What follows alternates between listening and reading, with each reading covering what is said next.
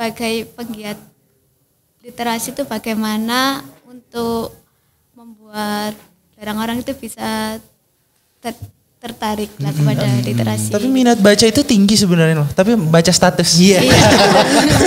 Ternyata anak-anak pun ada, Ai. Anak-anak. Heeh, jadi FLP Kids Mbak Mbak Erna ya. Wah, FLP Kids ada. Ada.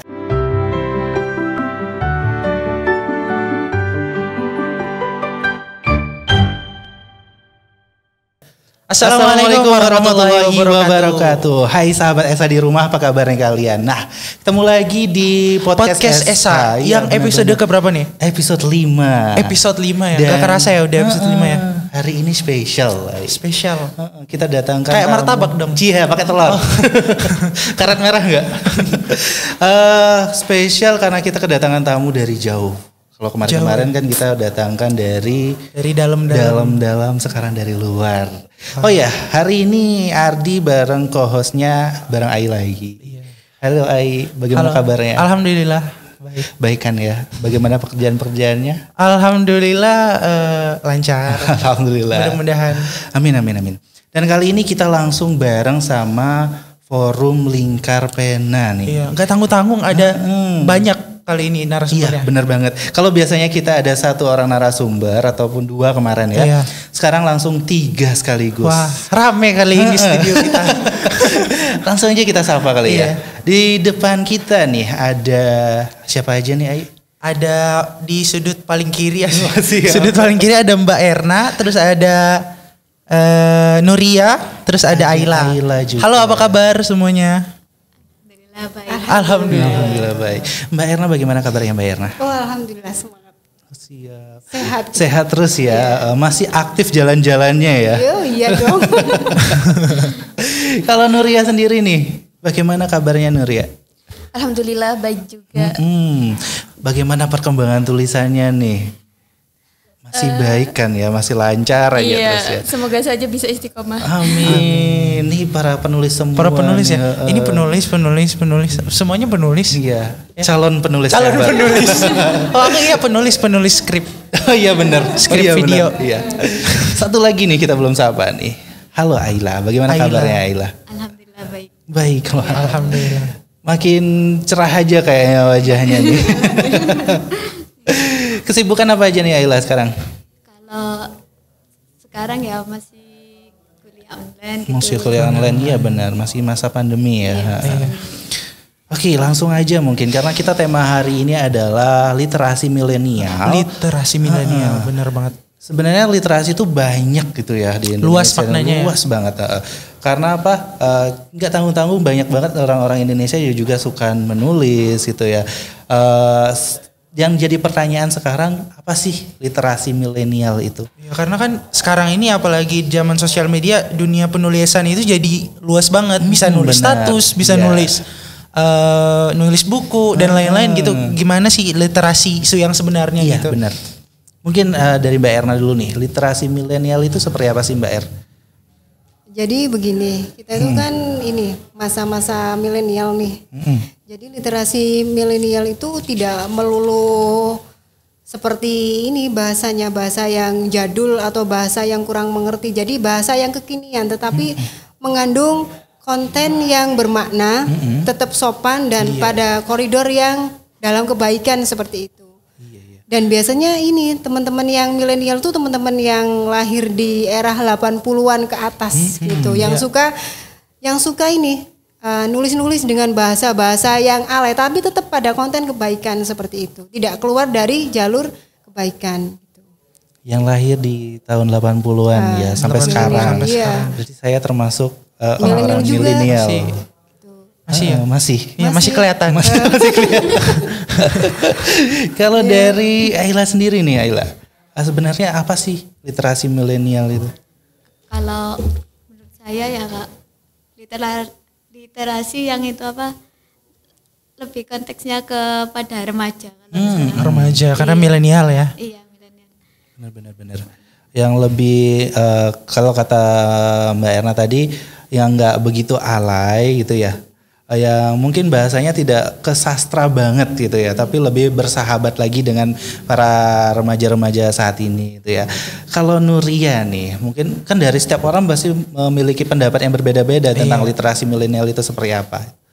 Ya, jadi kalau dulu kita sering mengerucutkan kalau literasi itu identik dengan membaca, menulis, tapi sekarang kita eh, lebih memperluas pandangan kalau membaca dan menulis itu bukan hanya dalam lingkup tulisan atau buku atau semacam textbook seperti itu. Jadi di sini literasi milenial itu mengajarkan kita untuk eh, bisa membaca bagaimana situasi dan kondisi saat ini sehingga kita sebagai generasi milenial itu bisa lebih peka terhadap eh, keadaan kita saat ini seperti itu. Nah, kalau eh, tulisan mungkin juga bisa memperluas di sini tidak hanya sekedar tulisan eh, berbau fiksi atau non fiksi seperti yang dikatakan Mbak Erna tadi, tapi tulisan ini bisa eh, merupakan pengalaman kita, mungkin juga tulisan mengenai bagaimana pendapat kita seperti itu. Iya, iya. Jadi kita ke kebebasan. menulis untuk apa ya? Untuk memberikan influence, untuk memberikan pengaruh yang baik gitu ya. Iya. Wah. Sebagai milenial. Iya, silakan Mbak Erna. Jadi gini nih, sebenarnya literasi itu kan bukan hanya kemampuan membaca dan menulis, bukan hanya kemampuan untuk memahami, Iya. gitu loh, bisa membaca dan menulis dengan baik, bukan hanya itu saja.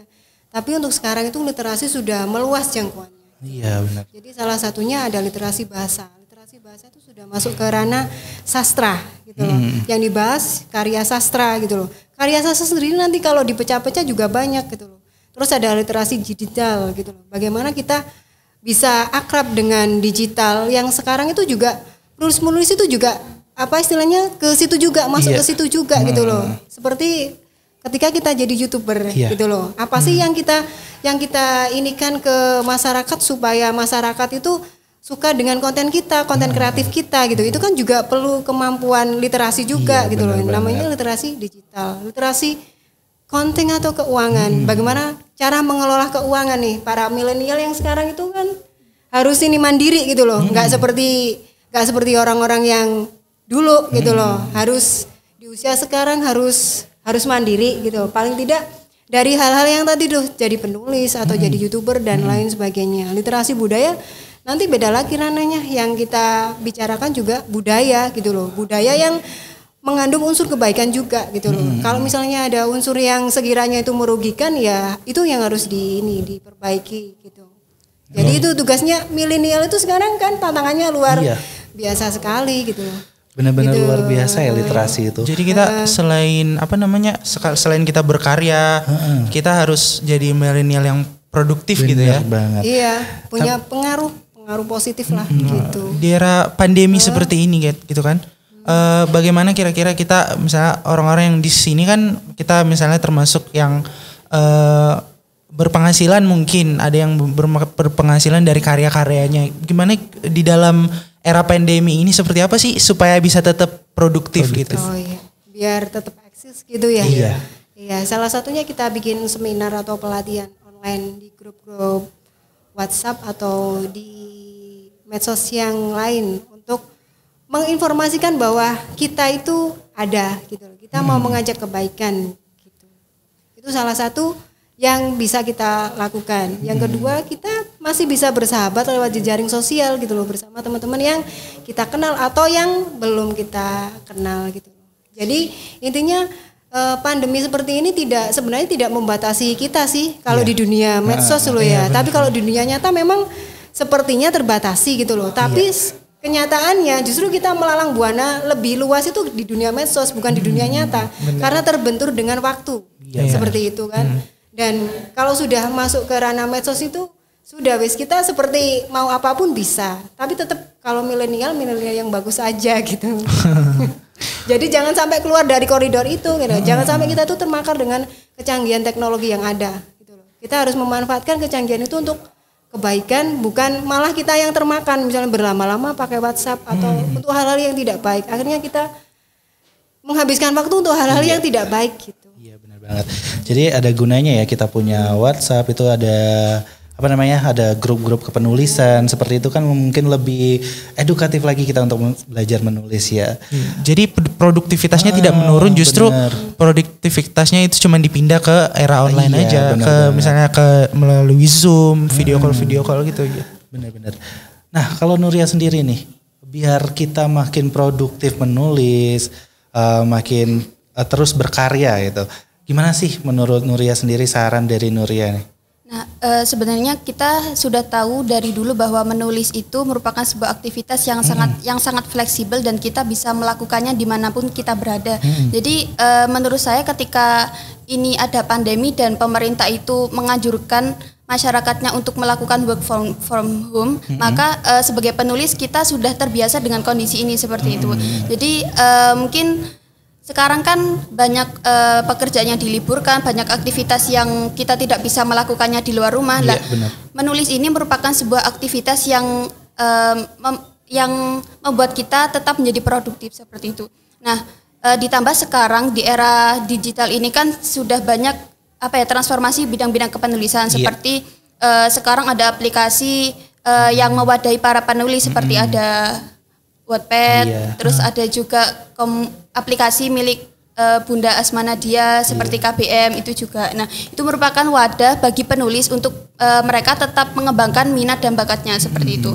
Terus selain itu eh, sekarang juga banyak sekali komunitas-komunitas kepenulisan yang bisa dilakukan secara online. Jadi eh, kita tidak musim lagi melakukan pertemuan secara offline kumpul di sebuah wilayah seperti itu karena ya eh, sekarang kita zamannya sudah global seperti itu. Jadi komunitas itu tidak hanya mewadahi secara lokal akan tapi juga nasional bahkan internasional.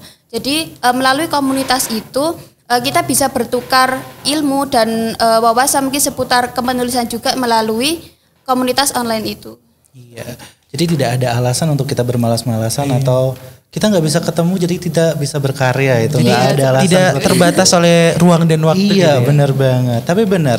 Sekarang jejaring sosial itu lebih banyak me- mewadahi kita untuk menulis ya seperti Wattpad tadi, terus eh, novel, e-book seperti itu kan banyak banget Iya. sekarang. eh, Benar banget.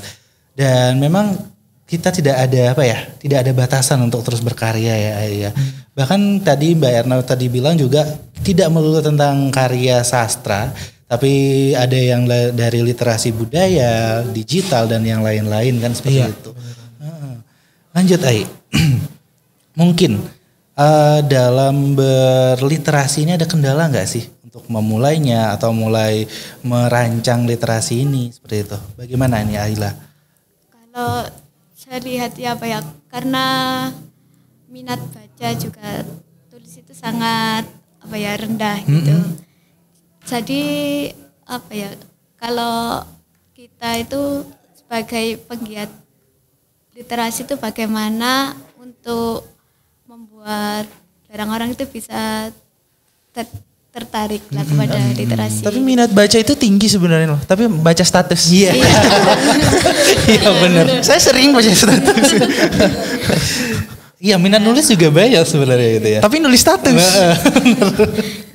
itu tidak bisa dipungkiri memang sebenarnya para remaja saat ini ya minat baca iya minat menulis iya tapi di ranah yang berbeda mungkin yang dimaksud ya. Ayla itu mungkin ke lebih ke lebih arahannya lebih di itu ya lebih di seriusin lagi ke Iya. literasi gitu ya. iya benar nah kalau Mbak Erna sendiri nih Mbak Er bagaimana eh, apa mungkin ada kendala sih eh, saat memulai literasi itu? Apalagi setahu saya Mbak Erna adalah orang yang merancang pertama kali forum lingkar pena di Pasuruan ya Mbak Erna ya?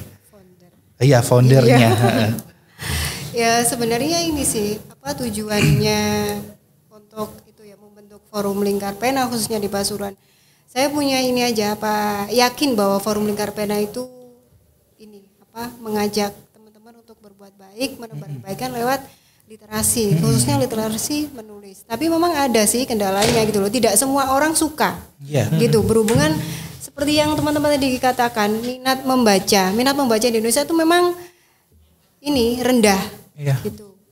Apalagi daya tahan, daya daya ke ini ya apa interestnya ke ke karya sastra itu sangat-sangat ini sekali perlu diperhatikan banget gitu loh. Dan itu menjadi tantangan para penggiat literasi juga sih, khususnya forum lingkar pena. Gimana sih caranya orang itu respect orang itu friendly karena orang itu senang orang itu eh aku kepo loh dengan karyamu aku pingin loh seperti kamu gitu loh jadi itu juga merupakan ini sih eh, apa ya bumbu-bumbu semangat kita bukan berarti itu wes udah ya aku berhenti sampai di sini aja gitu loh Jadi ada tantangan tersendiri gitu ya iya. untuk mengembangkan minat-minat baca eh, kita. Jadi ini. tetap kita tetap melakukan hal-hal yang konsisten bahwa bahwa literasi itu baik, bahwa literasi itu bagus, bahwa literasi itu bisa kok mengembangkan bakat kita gitu loh.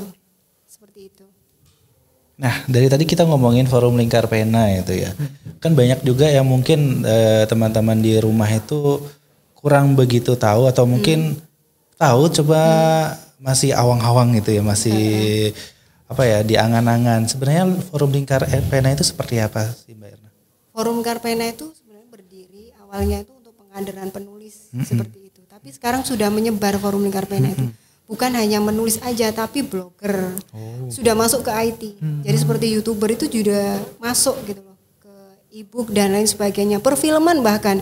Jadi teman-teman Forum Karpena yang sudah menjadi katakan senior kita ya di pimpinan pusat itu seperti Habibur Rahman, Mbak Asma Nadia, Mbak Elvi Tiana Rosa, terus eh, Mbak Afifa Afra, mereka sudah masuk ke dunia perfilman.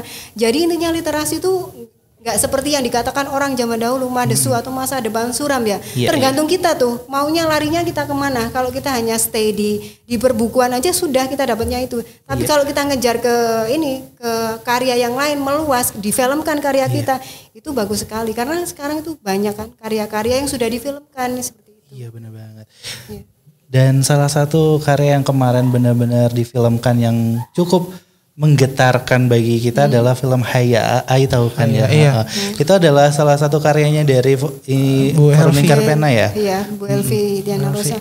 Ya itu juga adalah salah satu bukti karya dari FLP ya Mbak Erna ya. Dan bukan cuman film juga ternyata bisa dimusikalisasi juga. Iya, Kemarin bener. Kak Ardi bikin musikalisasi puisi juga. Iya, iya benar banget. Jadi luas networkingnya sebenarnya kalau kita eh, perdalam itu dari penulisan itu bisa bercabang ke mana-mana gitu ya. Jadi bukan hanya melulu ini lo buku gue gitu, bukan gitu loh. Tapi inilah karyaku gitu. Karya gue gitu. Yang yang ini megah banget ketika udah dipublikkan seperti film itu seperti Ayat Ayat Cinta kemarin itu. Oh iya, Sampai jadi produser teman-teman Iya. itu gitu kan. Jadi larinya nanti kalau sudah ke sana sudah ke art lagi bukan literasi bahasa lagi tapi literasi art gitu. Literasi perfilman. Iya, tapi banyak banget memang udah karya Forum Lingkar Pena yang menjadi film ya, terutama dari uh, Habibur Rahman Esyarizi, Hafiz Naros, apalagi Mbak Asma Nadia juga banyak banget itu. Jadi kayak gimana ya, Forum Lingkar Pena ini memang benar-benar wah benar-benar bisa mengajak kita untuk terus berkarya tidak hanya dalam bidang tulisan. Youtuber seperti Ai juga bisa. Jadi Uh, wadah gitu ya. wadah benar. Jadi wadah Untuk milenial-milenial yang kreatif Ah, yang ingin benar-benar. mengembangkan eh, bakat-bakatnya, passionnya itu bisa salah satunya dengan cara berkomunitas. Salah satunya di forum Lingkar Pena ini tentunya. Boleh boleh ditambahkan ya? Iya silakan. Iya. Jadi ini teman-teman apa?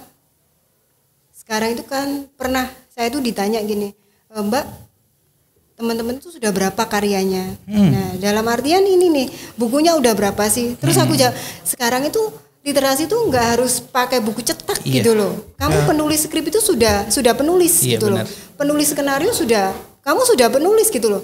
Copywriting kamu sudah penulis gitu loh. Itu sudah masuk ke penulis gitu loh. Kamu nulis kata-kata apa quote terus dimasukkan ke iklan kamu sudah jadi penulis gitu loh. Meskipun kamu nggak punya buku, tapi kamu sudah menjadi penulis seperti Iya itu. benar-benar.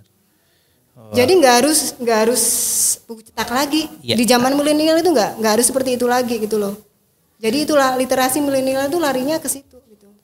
Jadi untuk uh, tanggapan-tanggapan tentang uh, forum literasi itu adalah forum yang semuanya serba tulis itu udah Sudah bukan nggak lagi ini ya, karena benar. memang zamannya udah zaman IT gitu. Mm-mm. Nah kalau yang berbeda dari literasi yang lain, forum Lingkar Pena ini yang unik atau yang menarik itu apa aja sih? Mungkin ada dari Ini dia. tiga Sri Kandini yang bisa Tiga Sri menjawab. Siapa dulu? Menurut teman-teman Dari Ayla dulu mungkin silakan. Eh, kalau di di forum lingkar pena kan selain diajari hal berliterasi literasi juga dapat keislamannya juga. Oh, Masuk, iya. Keislamannya. Jadi, kita tuh diarahkan nulis juga sebagai dakwah juga bisa kan gitu. Heeh. Jadi kalau kan orang-orang bilang itu eh, dakwah harus gini gini gini dan melalui lingkar pena ini bisa dakwah melalui tulisan, melalui karya-karya kita. Iya. Berdakwah melalui tulisan. Dakwah melalui tulisan luar biasa. Jadi forum lingkar pena tidak hanya eh, melulu tentang tulisan tapi juga berdakwah gitu ya. Nah, kalau dari Nuria nih, hal yang unik dari lingkar pena atau yang menarik gitu, yang berbeda lah dari literasi literasi lain.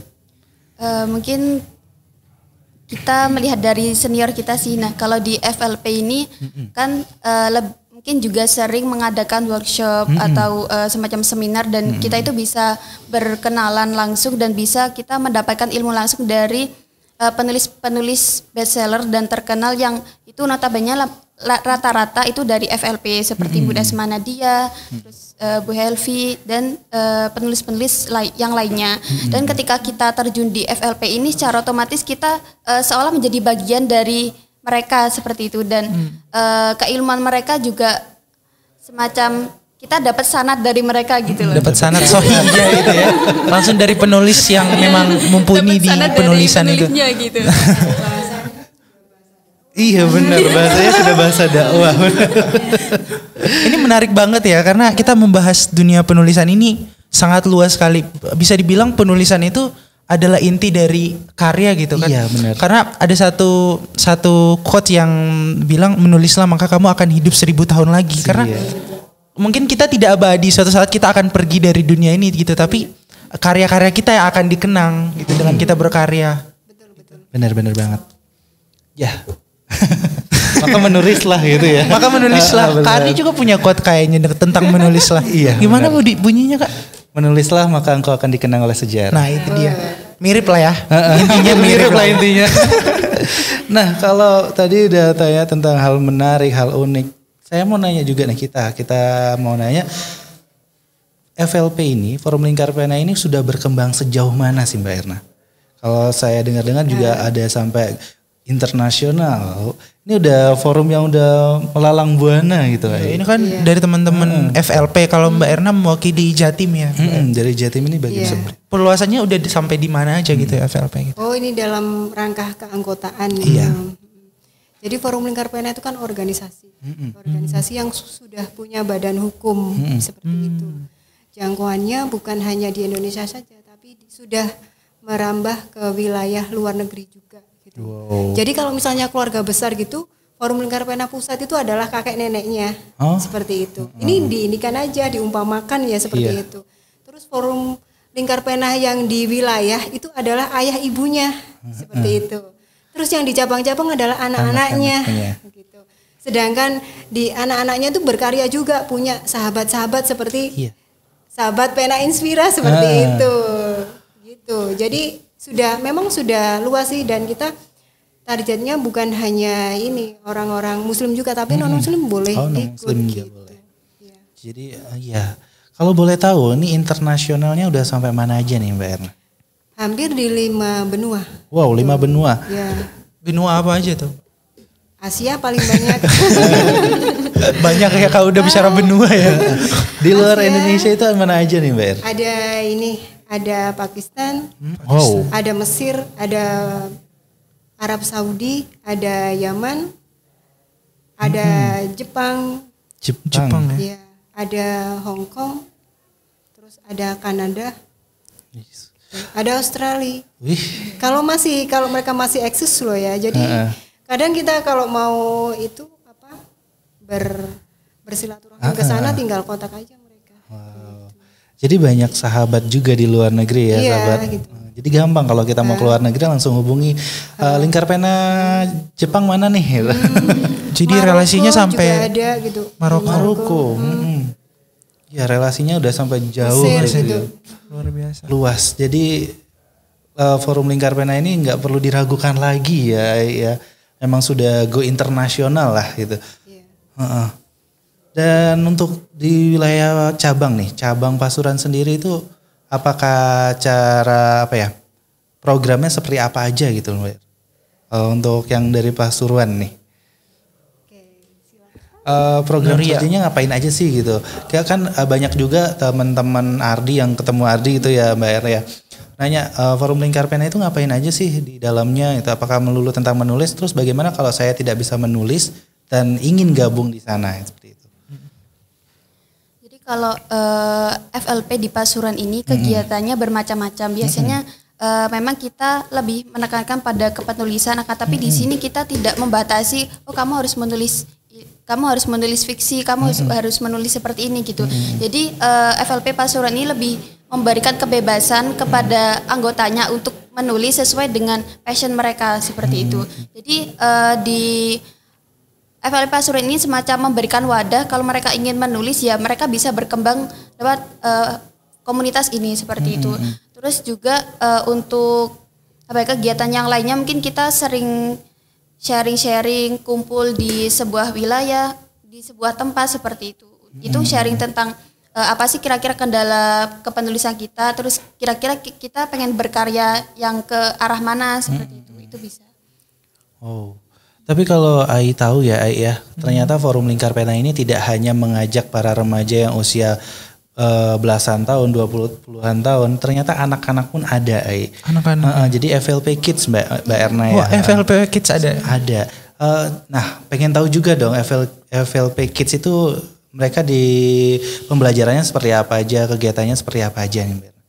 Kalau FLP Kit biasanya kita ngadakan pembinaan secara lebih intens sih karena mereka masih anak-anak dan pengarahannya juga lebih intens gitu. Kita bekerjasama dengan orang tuanya. Oh. Seperti itu. Jadi kalau ada pertemuan-pertemuan orang tuanya harus tahu. Kalau ada pembinaan mereka juga harus tahu. Jadi itu salah satu menguatkan kita bahwa mereka itu didukung ketika ikut forum lingkar pena itu.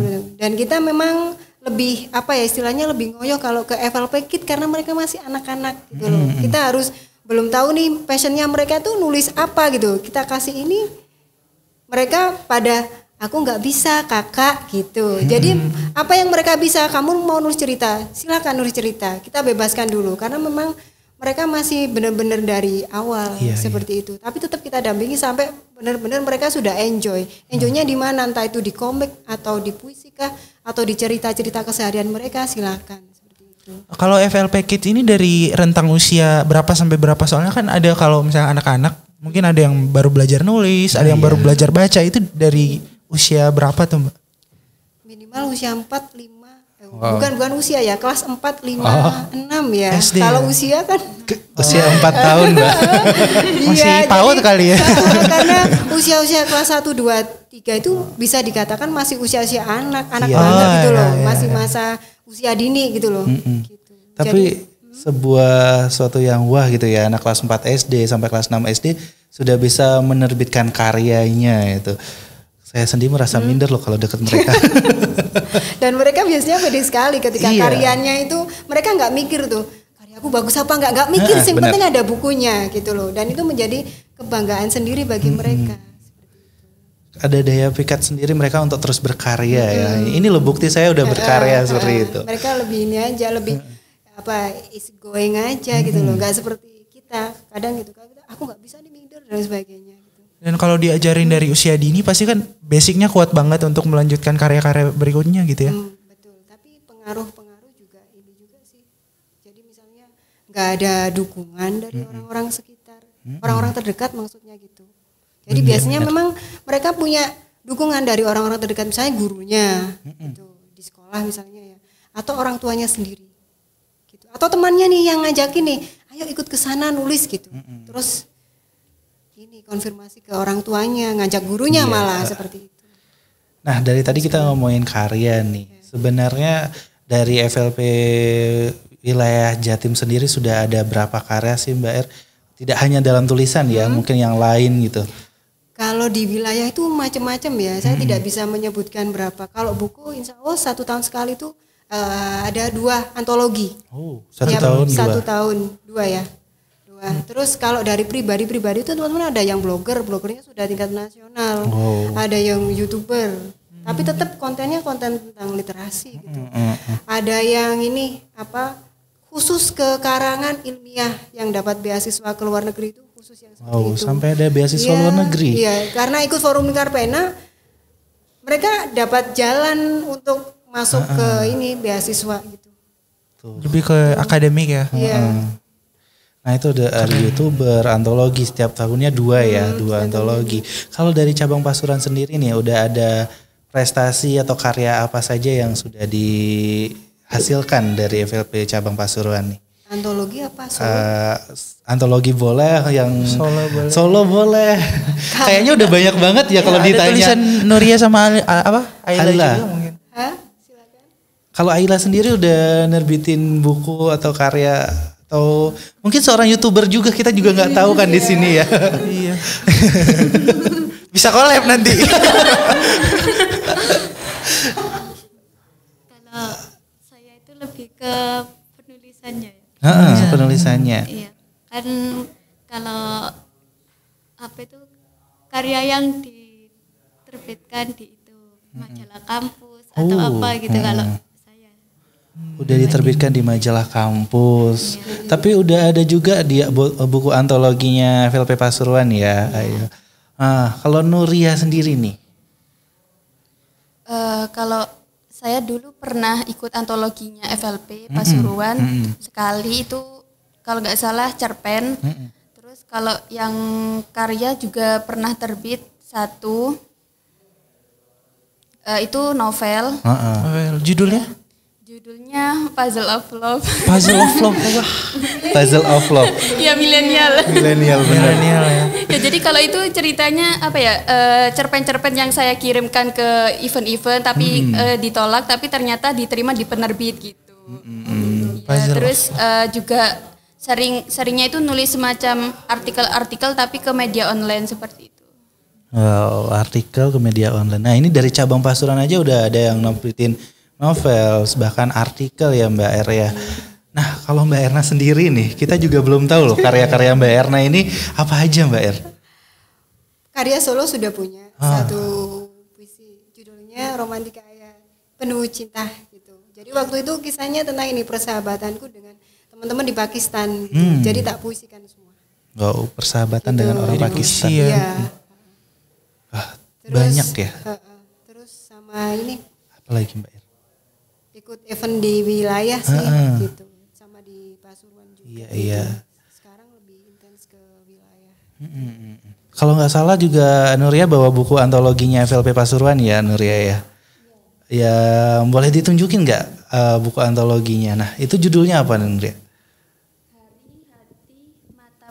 Hari Hati Mata Puisi. Antologi puisi ya. Heeh, antologi puisi nih. Ini juga di situ ada karyanya Aila, ada Nuria, ada Mbak Erna juga ya Mbak Er ya. Ini benar di dalam bu- dalam bukunya itu puisinya benar-benar apa ya menyentuh semua Mbak Er ya. Eh, bisa dijelaskan nggak Mbak Er itu eh, kenapa mengambil tema seperti itu? Hari Hati Mata Puisi. Hari Hati Mata Puisi. Ya, benar. Hari hati mata puisi. Ya, karena ini kumpulan teman-teman FLB Pasuruan, setiap kita itu kan punya rasa, Iya. punya rasa, punya keinginan, punya makanya ini judulnya Hari Hat- Hari Hati Mata Puisi. Jadi setiap kita itu punya punya pengalaman gitu loh, punya rasa sendiri setiap harinya dituangkan ke dalam puisi seperti Iya, itu. Nah, setiap puisi kita tuh punya punya misalnya orang itu punya jiwa sendiri. Kalau makanan tuh punya aroma sendiri seperti itu dan setiap puisi tuh nggak ada yang sama di sini gitu loh. Jadilah hari, hati, mata puisi seperti itu. Menarik ya. Lumayan kompleks ya. Jadi di dalamnya banyak berbagai ini. pembahasan. pembahasan. Nah, ada juga yang bakal nanya nih Mbak Er, apalagi ke Ardi nih. Eh, karena mereka kan taunya Ardi ikut FLP ya Mbak Erna ya.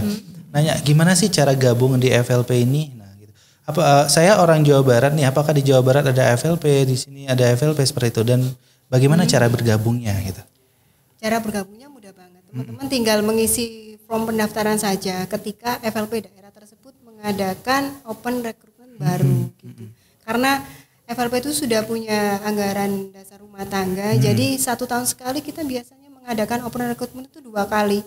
Jadi setiap semester gitu loh. Gitu. Iya. Jadi untuk open recruitmentnya itu juga bisa disebar luas dari media sosial ya Mbak Er ya? Iya. Teman-teman bisa stalking di IG-nya FLP Jatim, FLP Jawa Tengah, FLP Jawa Timur, atau FLP Pusat. Gitu. Jadi yang teman-teman yang mungkin di wilayah Pasuruan, wilayah Jatim atau ada di luar di wilayah-wilayah lain, kalian bisa langsung stalkerin IG dari FLP ya Mbak Erna ya karena setiap daerah itu memiliki eh, Instagram masing-masing ya. Tidak hanya Instagram mungkin ya, website juga ada ya. Website ada Twitter, Twitter. ada Nanti ada di bawah sini ya. Heeh, lengkap. Sama di deskripsi di bawah. channel YouTube juga ada. Oh, channel gitu. YouTube juga Ya. ada, lengkap banget nih Ai. Ya nanti kita taruh semua di Semua, deskripsi ya. banyak Untuk teman-teman yang mau gabung, yang mau berkarya. Nah ini jadi kegelisahan banyak orang mungkin yang ingin memulai karyanya tapi apa ya selalu ada halangan, selalu ada sesuatu yang bikin dia nggak mulai-mulai. Termasuk aku tuh eh, mungkin aku udah belakangan ini bikin-bikin video-video di YouTube gitu kan. Jadi eh, aku berkarya di bidang video. Nah, ada juga terkat apa ketertarikan untuk berkarya di dunia penulisan sampai-sampai aku kemarin bercanda gini kayak eh, ke Kak Ardi gitu. Kak, kemarin aku nulis eh, buku loh. Antologi tapi banyak yang nyusunnya, tapi buku tamu. Bener, itu awal saya udah fokus loh denger ya. Gitu. Wah, Ai udah mulai nulis. Pas terakhir buku tamu Ai. artinya artinya apa ya? Aku eh, termasuk salut sama teman-teman dari penulis yang bisa menulis eh, tentu menulis berlembar-lembar berhalaman-halaman sampai jadi satu buku itu apa butuh istiqomah kan, butuh konsisten. Nah, ini teman-teman yang di depan ini em, sudah punya banyak eh, karya tulis lah bisa dibilang dan akan terus berkarya insya Allah. Itu motivasi apa sih se- sehingga bisa konsisten gitu dalam penulisan itu? Eh, siapa yang mau jawab duluan? Mungkin dari Nuria dulu deh. Biar kita tetap konsisten nulis, ada eh, eh, yang nggak ragu lah untuk nulis itu. Ada gimana mungkin yang udah nulis setengah tapi nggak selesai gitu. Ah, ah, Gimana betul. caranya biar konsisten? Konsisten ini kan satu hal yang lumayan rumit gitu. Eh, jadi kalau yang pertama kita itu semacam harus punya visi gitu. Kira-kira tujuan kita menulis itu apa sih? Misalnya, eh, oh saya pengen jadi penulis bestseller seperti misalnya kita punya role model Terelie misalnya gitu. Jadi ya bagaimana caranya biar saya itu eh, bisa seperti dia lah. Dari visi yang kuat itu kita bisa eh, apa ya punya komitmen buat mulai menulis seperti itu. Terus juga eh, kita juga bisa eh, misalnya punya tujuan lain misalnya oh saya pengen menulis tapi eh, untuk memenuhi untuk eh, menambah penghasilan kan se- sekarang kita juga bisa menghasilkan income dari menulis seperti itu. Jadi dari situ kita bisa eh, lebih komitmen untuk untuk menulis. Nah, dari situ akan ada apa ya semacam tekanan dari diri kita. Oh, misalnya saya nggak nulis sekarang maka eh, target saya untuk jadi penulis akan semakin lama seperti itu. Terus kalau masalah eh, apa ya penyelesaian naskah tadi kita bisa lihat dari teman-teman sekitar kita lah. Lingkungan itu sangat mempengaruhi eh, apa ya sangat mempengaruhi diri kita seperti itu. Misalnya kita tergabung dalam sebuah kepenulisan dan misalnya saya punya teman Kadi nih. Kadi ini udah bisa eh, menerbitkan banyak buku loh, loh. Saya kok nggak bisa gitu. Lah dari situ akan terdorong terdorong eh, diri kita untuk terus menulis dan terus eh, menyelesaikan tulisan kita seperti itu. Motivasi diri ya. Iya, motivasi diri. Nah, kalau dari Mbak Erna sendiri nih, bagaimana Mbak Er? Yang senior kan, Ah, salah yang satu yang senior senior, nih nih. gimana nih? Harusnya udah banyak. Kalau kalau saya pribadi? Setiap orang itu kan punya alasan untuk melakukan sesuatu. Sama ketika kita mengikrarkan diri, aku ingin jadi penulis nih. Alasan kuat kita itu apa sih? Supaya kita tuh didorong terus gitu loh.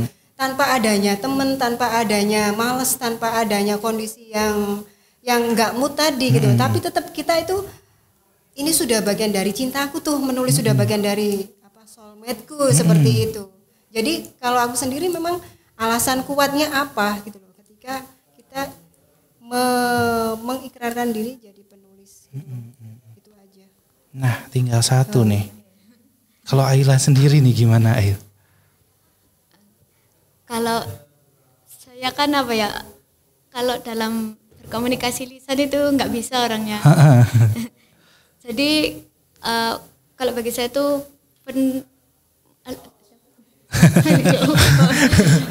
kalau nulis itu bagi saya itu sebuah berkomunikasi Hmm, hmm. dan Iya. sudah nggak bisa dipisahkan Kalau dalam berarti kehidupan saya. eh, Ayla beranggapan kalau dia menulis itu adalah dia berkomunikasi dengan orang. Jadi dia secara lancar nulisnya jadinya kayak aku lagi ngomong sama Ai gitu ya.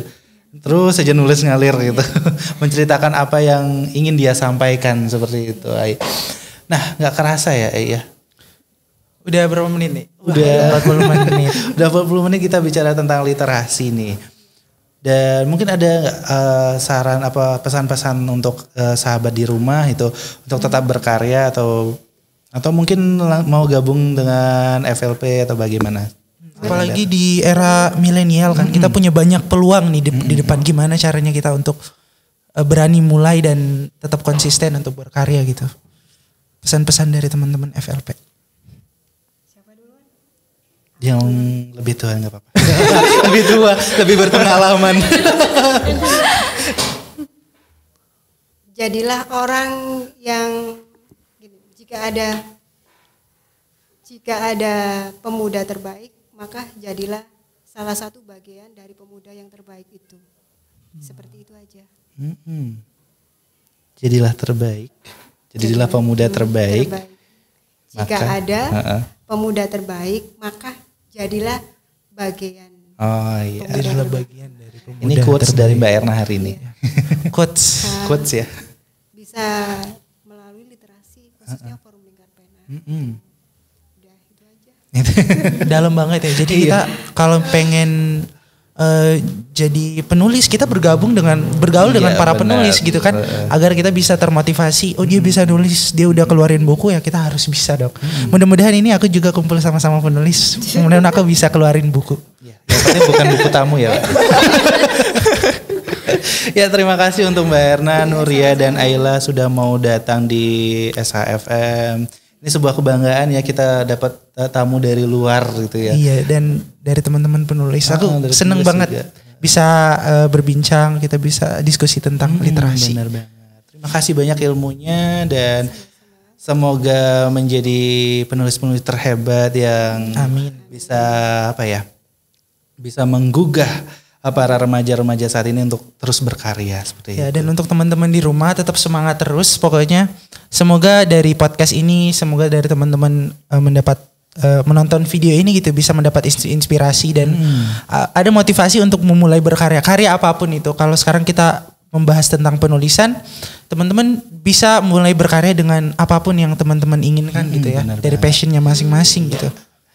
Nah, jadi untuk sahabat di rumah, sahabat Esa, eh, tetap saksikan podcast Esa di Ikats Ikats TV, ya, di Ikats TV karena mungkin kita tidak hanya mengundang para penulis-penulis hebat, mungkin ada seniman-seniman yang hebat juga ya, ya. Banyak hal yang Ah, harus banyak kita hal. obrolkan. Ah, bener banget. Jadi tetap eh, tonton terus tayangan di Ikats TV, apalagi nih podcast Esa nih karena mungkin minggu depan atau beberapa hari lagi kita juga bakalan podcast lagi bersama dosen-dosen ya, ya. Iya, Ah, insya Allah. dan see you next time. Iya. Jangan lupa Eh, juga jangan follow lupa. media sosial kita Oh di iya, benar. Instagram at podcast underscore Hmm, SH. benar. Dan nanti ada linknya di bawah ya kok ya. Iya. Nah, Terima kasih banyak untuk teman-teman yang sudah menonton. Sampai see jumpa. See you next time. Di video Sampai jumpa. selanjutnya. Assalamualaikum warahmatullahi wabarakatuh.